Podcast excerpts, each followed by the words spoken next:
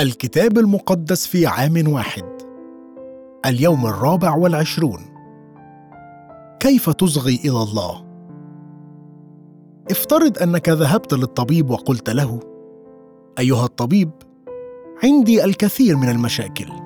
لقد لويت ركبتي وعيناي ملتهبتين وأصبعي متورم ولدي التهابات في أوتار الكوع وعندي ألم في الظهر. وبعدما قلت قائمة الشكاوي التي لديك تنظر إلى ساعتك وتقول يا إلهي لقد سرقني الوقت. حسنا ينبغي أن أذهب. قد يريد الطبيب أن يقول تمهل لحظة. هل تريد سماع ما أريد أن أقول؟ إن تكلمنا فقط مع الله ولم نأخذ وقتا لننصت فإننا نفعل نفس الخطأ. إننا نقوم بكل الحديث. ولا نصغي حقيقة إليه. في حين أن قصد علاقتنا بالله أن تكون محادثة بين طرفين. عندما أصلي أجده أمرا نافعا أن أكتب الأفكار التي وردت إلى ذهني والتي قد تكون قد أتت من روح الله. في عصر مشبع بوسائل الإعلام لدينا الكثير من الأصوات التي تأتينا من التلفاز والراديو والإنترنت وتويتر وفيسبوك وإنستغرام والبريد الإلكتروني والرسائل النصية. كما أن لدينا أصوات العائلة والأصدقاء والزملاء. واحيانا يكون عندنا صوت الشيطان يخبرنا ألا نصدق كلمة الله. وأن نشك في أن الله يحتفظ في قلبه بأفضل مصالحنا واهتماماتنا. كيف تسمع صوت الله وسط ضوضاء وتشتيت الحياة. الأمثال الأصحاح الثالث من عدد واحد إلى عدد عشرة. يا ابني لا تنس شريعتي بل ليحفظ قلبك وصاياي. فإنها تزيدك طول أيام وسن حياة وسلامة. لا تدع الرحمة والحق يتركانك. تقلدهما على عنقك. اكتبهما على لوح قلبك. فتجد نعمة وفطنة صالحة في أعين الله والناس. توكل على الرب بكل قلبك وعلى فهمك لا تعتمد. في كل طرقك اعرفه وهو يقوم سبلك. لا تكن حكيما في عيني نفسك. اتق الرب وابعد عن الشر فيكون شفاء لسرتك وسقاء لعظامك. أكرم الرب من مالك ومن كل باكورات غلتك فتمتلئ خزائنك شبعا وتفيض معاصرك مسطارا انصت لصوت الله في الكتاب المقدس. الطريقة الرئيسية التي يتكلم بها الله معنا هي ما قد تكلم به بالفعل في الكتاب المقدس. تعاليمه ووصاياه. بينما تقرأ الكتاب المقدس صل ليتكلم الله معك ولكي تسمع صوته. توكل على الرب بكل قلبك وعلى فهمك لا تعتمد. في كل طرقك أعرفه وهو يقوم سبلك. حينما نتعلم آيات من الكتاب المقدس فإنها إحدى الطرق التي يمكنك بها كتابة كلمة الله على لوح قلبك. تعلمنا بيبا وأنا هذه الآيات في بداية زواجنا وحاولنا أن نحيا بها. لتكن المحبة والولاء هما مرشداك. ينبغي أن يكون هذان هما المبدأان الإرشاديان في كل قرار نأخذه.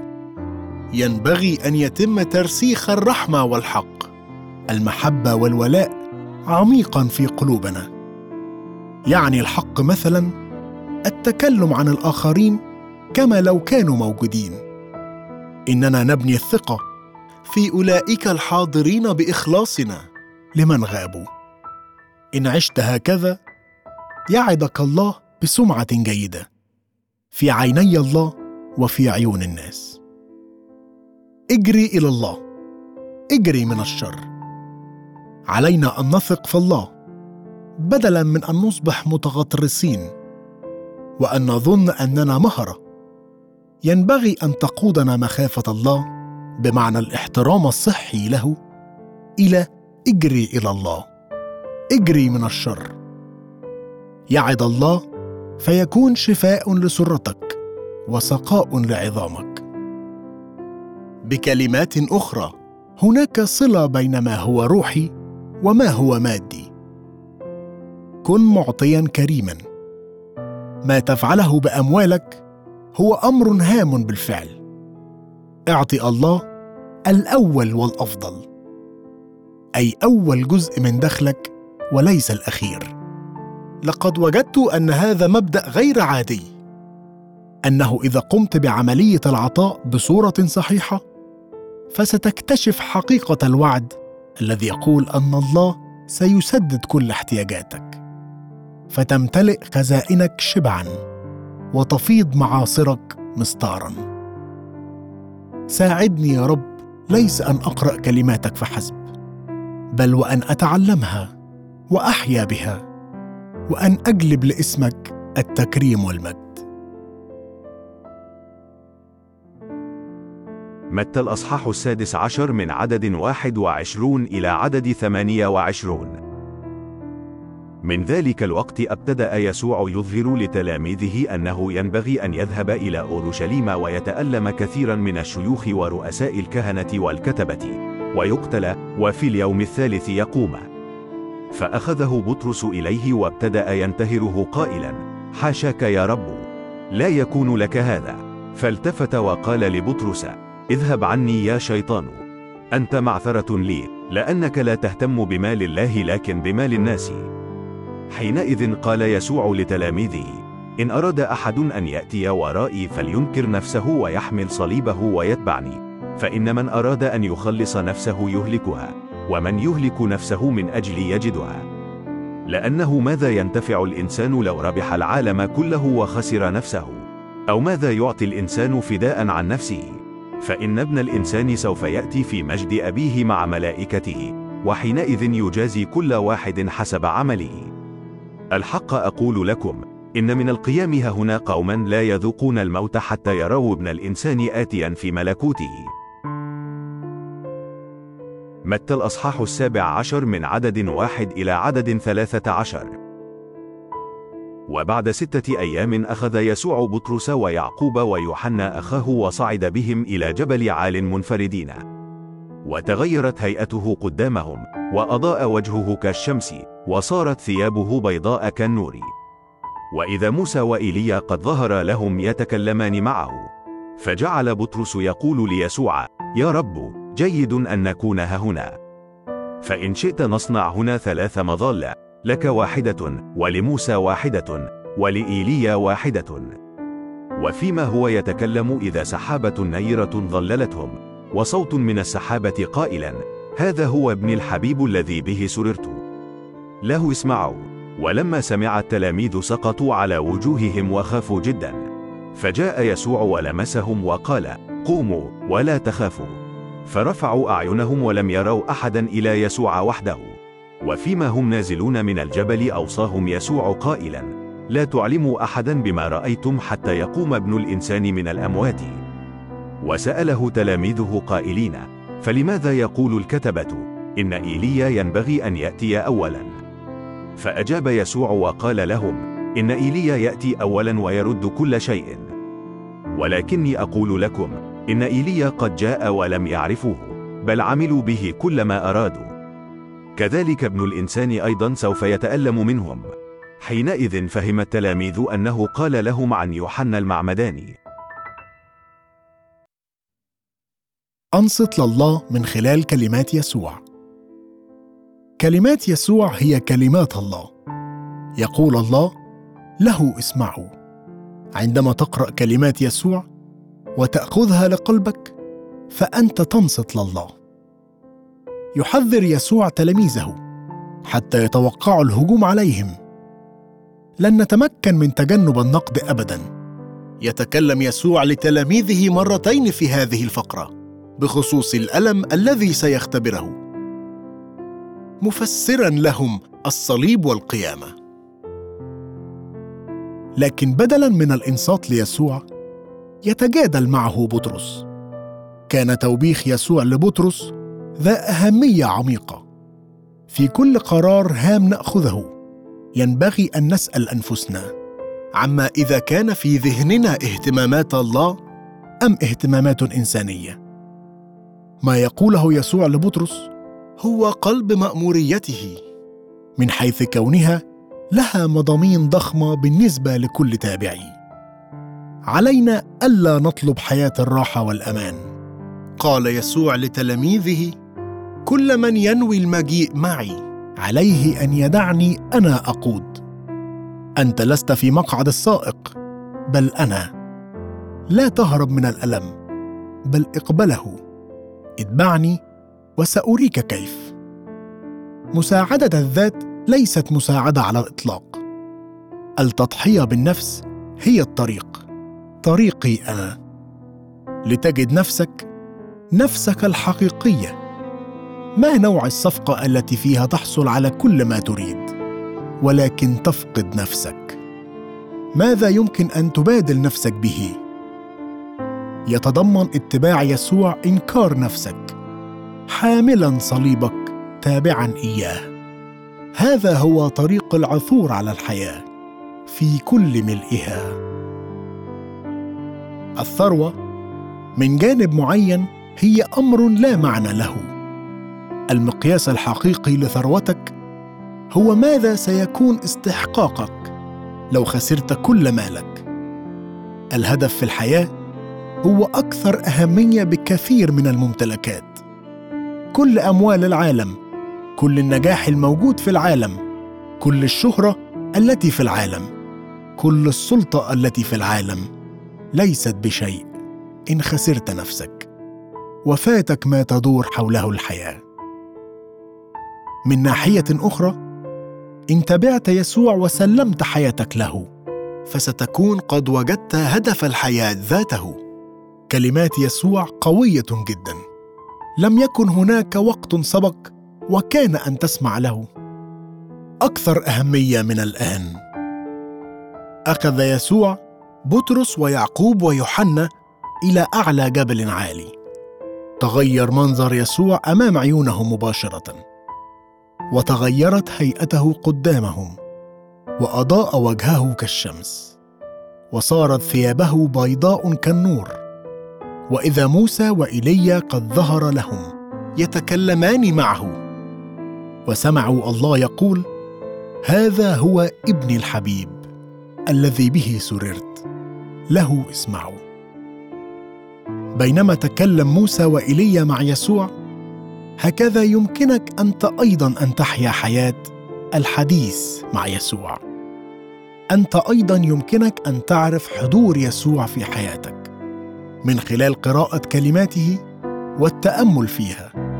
يمكنك أن تختبر الحديث مع يسوع من خلال الروح القدس. يمكنك من جانب معين أن تتطلع إلى وجهه الذي يضيء مثل الشمس. يمكنك أن تسقط متعبدا. يمكن أن يكون شعورك كما لو كان يسوع يلمسك حقيقة ويقول لك لا تخف.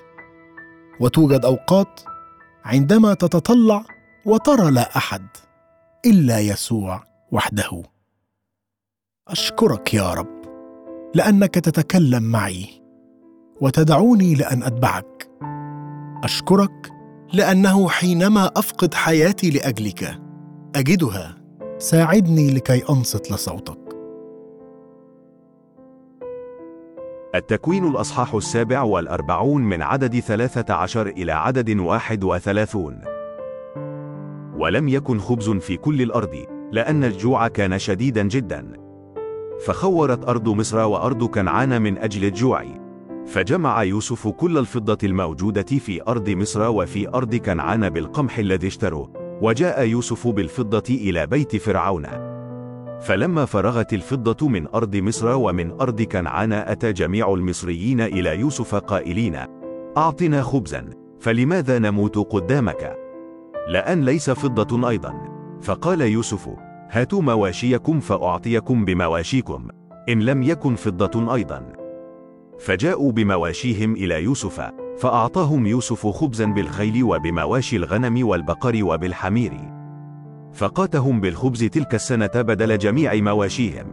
ولما تمت تلك السنة أتوا إليه في السنة الثانية وقالوا له لا نخفي عن سيدي أنه إذ قد فرغت الفضة ومواشي البهائم عند سيدي لم يبق قدام سيدي إلى أجسادنا وأرضنا. لماذا نموت أمام عينيك نحن وأرضنا جميعا؟ اشترنا وأرضنا بالخبز فنصير نحن وأرضنا عبيدا لفرعون وأعط بذارا لنحيا ولا نموت ولا تصير أرضنا قفرا. فاشترى يوسف كل أرض مصر لفرعون إذ باع المصريون كل واحد حقله لأن الجوع اشتد عليهم. فصارت الأرض لفرعون وأما الشعب فنقلهم إلى المدن من أقصى حد مصر إلى أقصاه. إلى إن أرض الكهنة لم يشترها. إذ كانت للكهنة فريضة من قبل فرعون فأكلوا فريضتهم التي أعطاهم فرعون لذلك لم يبيعوا أرضهم. فقال يوسف للشعب إني قد اشتريتكم اليوم وأرضكم لفرعون. هو ذا لكم بذار فتزرعون الأرض. ويكون عند الغلة أنكم تعطون خمسا لفرعون والأربعة الأجزاء تكون لكم بذارا للحقل وطعاما لكم ولمن في بيوتكم وطعاما لأولادكم. فقالوا أحييتنا. ليتنا نجد نعمة في عيني سيدي فنكون عبيدا لفرعون. فجعلها يوسف فرضا على أرض مصر إلى هذا اليوم لفرعون الخمس. إلى إن أرض الكهنة وحدهم لم تصر لفرعون. وسكن إسرائيل في أرض مصر في أرض جاسان وتملكوا فيها وأثمروا وكثروا جدا. وعاش يعقوب في أرض مصر سبع عشرة سنة. فكانت أيام يعقوب سن حياته مئة وسبعا وأربعين سنة. ولما قربت أيام إسرائيل أن يموت دعا ابنه يوسف وقال له إن كنت قد وجدت نعمة في عينيك فضع يدك تحت فخذي واصنع معي معروفا وأمانة. لا تدفني في مصر بل أضطجع مع آبائي فتحملني من مصر وتدفنني في مقبرتهم. فقال أنا أفعل بحسب قولك. فقال احلف لي. فحلف له. فسجد إسرائيل على رأس السرير. التكوين الأصحاح الثامن والأربعون. وحدث بعد هذه الأمور أنه قيل ليوسف هو ذا أبوك مريض. فأخذ معه ابنيه منس وأفرايم. فأخبر يعقوب وقيل له هو ذا ابنك يوسف قادم إليك. فتشدد إسرائيل وجلس على السرير. وقال يعقوب ليوسف الله القادر على كل شيء ظهر لي في لوزة في أرض كنعان وباركني. وقال لي ها أنا أجعلك مثمرا وأكثرك وأجعلك جمهورا من الأمم وأعطي نسلك هذه الأرض من بعدك ملكا أبديا. والآن ابناك المولودان لك في أرض مصر قبلما أتيت إليك إلى مصر هما لي. أفرايم ومنس كرأبين وشمعون يكونان لي. وأما أولادك الذين تلد بعدهما فيكونون لك. على اسم أخويهم يسمون في نصيبهم. وأنا حين جئت من فدان ماتت عندي راحيل في أرض كنعان في الطريق إذ بقيت مسافة من الأرض حتى آتي إلى أفراتة فدفنتها هناك في طريق أفراتة التي هي بيت لحم. ورأى إسرائيل ابني يوسف فقال من هذان؟ فقال يوسف لأبيه هما ابناي اللذان أعطاني الله ههنا فقال قدمهما إلي لأباركهما. وأما عين إسرائيل فكانتا قد ثقلتا من الشيخوخة لا يقدر أن يبصر. فقربهما إليه فقبلهما واحتضنهما. وقال إسرائيل ليوسف لم أكن أظن أني أرى وجهك وهو ذا الله قد أراني نسلك أيضا. ثم أخرجهما يوسف من بين ركبتيه وسجد أمام وجهه إلى الأرض. وأخذ يوسف الاثنين أفرايم بيمينه عن يسار إسرائيل ومنس بيساره عن يمين إسرائيل وقربهما إليه. فمد إسرائيل يمينه ووضعها على رأس أفرايم وهو الصغير ويساره على رأس منسى وضع يديه بفطنة فإن منسى كان البكر. وبارك يوسف وقال الله الذي سار أمامه أبوي إبراهيم وإسحاق. الله الذي رعاني منذ وجودي إلى هذا اليوم. الملاك الذي خلصني من كل شر يبارك الغلامين. وليدعى عليهما اسمي واسم أبوي إبراهيم وإسحاق وليكثر كثيرا في الأرض. فلما رأى يوسف أن أباه وضع يده اليمنى على رأس أفرايم ساء ذلك في عينيه فأمسك بيد أبيه لينقلها عن رأس أفرايم إلى رأس منسى وقال يوسف لأبيه ليس هكذا يا أبي لأن هذا هو البكر. ضع يمينك على رأسه. فأبى أبوه وقال علمت يا ابني علمت. هو أيضا يكون شعبا وهو أيضا يصير كبيرا. ولكن أخاه الصغير يكون أكبر منه ونسله يكون جمهورا من الأمم. وباركهما في ذلك اليوم قائلا بك يبارك إسرائيل قائلا يجعلك الله كأفرايم وكمنسى.